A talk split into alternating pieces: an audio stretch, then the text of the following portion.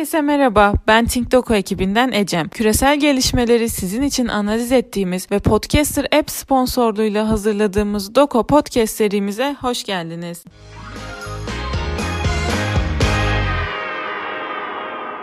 ABD-Afrika ilişkisinde ABD Kenya ile serbest ticaret görüşmelerini tamamlamaya hevesli. ABD Dışişleri Bakanı ABD'nin Sahra altı ekonomiyle ilk serbest ticaret anlaşması için Kenya ile müzakereleri sürdüreceğini söyledi. Blinken, Washington'ın dışarıdaki fırsatlardan bazılarını yakalamaya, ticareti ve yatırımı genişletmeye istekli olduğunu ifade etti. Bu önemli çünkü ABD-Kenya anlaşması Afrika büyüme fırsatları yasası olarak bilinen tercihli ticaret anlaşması Anlaşması 2025'te sona erdiğinde Afrika ülkeleriyle gelecekteki ticaret anlaşmaları için bir model olarak görülüyor. Aynı zamanda Kenya'daki Amerikan Ticaret Odası tarafından hazırlanan bir rapora göre anlaşma tamamlandığında öngörülebilirliği artacak ve dijital ticareti kolaylaştıracak. Bunlarla birlikte pazara açılmaya bağlı olarak Kenya ekonomisinde sıçrama ve Kenya'da emektarların ve girişimcilerin emeğini korumak için fikri mülkiyet korumalarının iyileşmesiyle Afrika'da yayılan Çin nüfusu havuzunun dizginlenmesi muhtemel. Bunlarla birlikte ise düşen politik risk.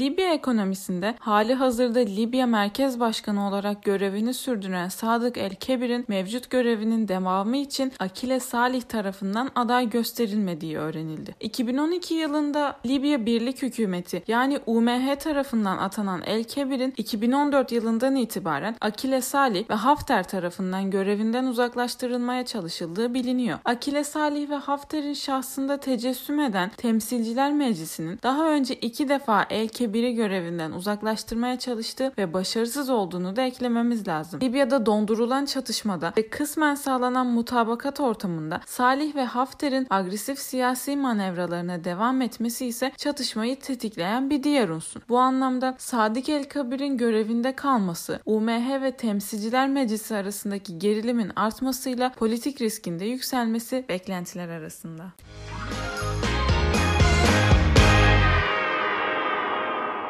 Kripto ekonomide Türkiye. Geçtiğimiz haftalarda kripto parayla ödemenin yasaklanması ve bazı borsaların batması sonrası Türkiye'nin Merkez Bankası kontrolünde kripto para yatırımcıları için aracı bir takas sistemi kuracağına yönelik iddialar ortaya atıldı. Bloomberg'de yayınlanan bir haberle başlayan bu iddialar üst düzey bir görevliye dayandırılıyor ve yatırımcıların risklerinin azaltılmasının hedeflendiği belirtiliyor. Haberde aynı zamanda Hazine ve Maliye Bakanlığı, Sermaye Piyasası Kurulu ve Mali Suçları Araştırma Araştırma Kurulu'nun yeni kripto para çerçevesini oluşturma sürecini birlikte yürüttükleri belirtiliyor. Türkiye'nin muhtemel bu tür bir adımının kripto para kazançlarının vergilendirmesi noktasında şekillenmesi ise oldukça yüksek bir ihtimal. Özetle kripto para transferinin merkezi yapıya bağlanması durumu söz konusu. Bu gelişmeyle ise vergilendirmenin gerçekleşmesi ve özellikle yüksek miktarda fon sahiplerinin alternatif yöntemlere yönelmesi muhtemel. Bilinçli yatırımcılar içinse yükselen politik risk.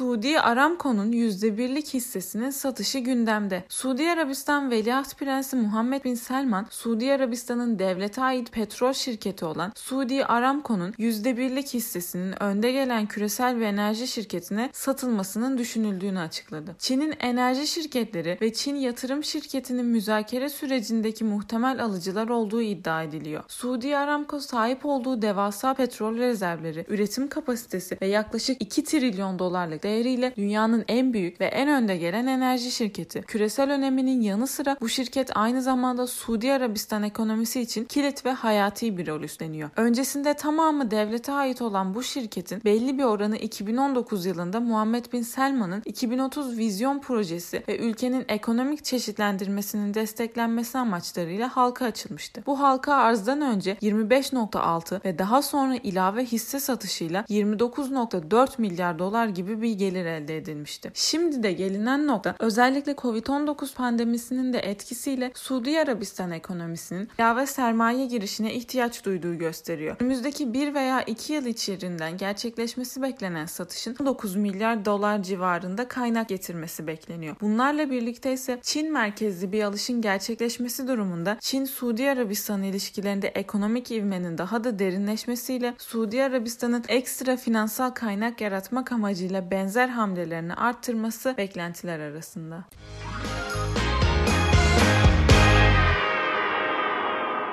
Doğu Akdeniz'de müzakerede İsrail ve Lübnan görüşmeye devam ediyor. ABD arabulucuyla masaya geri dönen İsrail ve Lübnan'ın deniz sınırı anlaşması çerçevesindeki görüşmelere devam ettiği aktarıldı. Son iki senedir fazlasıyla sıcak bir bölge olan Doğu Akdeniz'de İsrail ve Lübnan'ın diğer devletler arasındaki gerilimleri ihmal ederek kendi aralarında bir deniz sınırı anlaşması imzalaması, bölgede kendi gerilimlerinde boğulan diğer devletlerin de dikkatini bu yöne çekebilir. Meskur durum Biden'ın skandal açıklamasıyla pozitif anlamda ısınma ihtimali bulunan Türk-İsrail ilişkileri ve ısınma mesajları verilen Türk-Mısır ilişkileri de düşünülünce doğru diplomatik hamlelerle Yunanistan'ın bölgede marjinalizasyonuna kapı aralayabilir. Bunlarla birlikte İsrail ve Lübnan'ın deniz sınırı anlaşmasını imzalaması, hali hazırda hukuki meşruiyetinde sorun bulunmayan Türk-Libya deniz sınırı anlaşmasının siyasi sahada avantaj kazanması ve politik riskin düşmesi beklentiler arasında.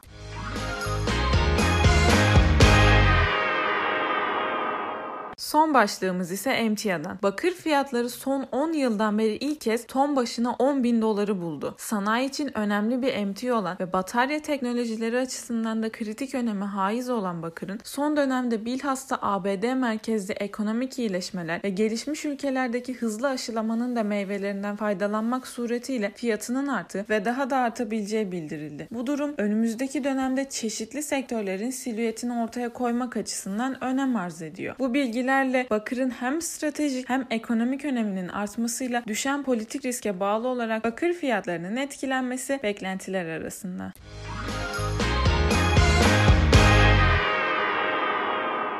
Bugünlük bültenimizin sonuna geldik. Beni dinlediğiniz için teşekkür ederim. Umarım siz de dinlerken benim kadar keyif almışsınızdır. Dünyayı anlamlandırmak için bültenlerimizi takip etmeyi unutmayın. Bir sonraki podcast'imizde görüşmek dileğiyle. Hoşçakalın.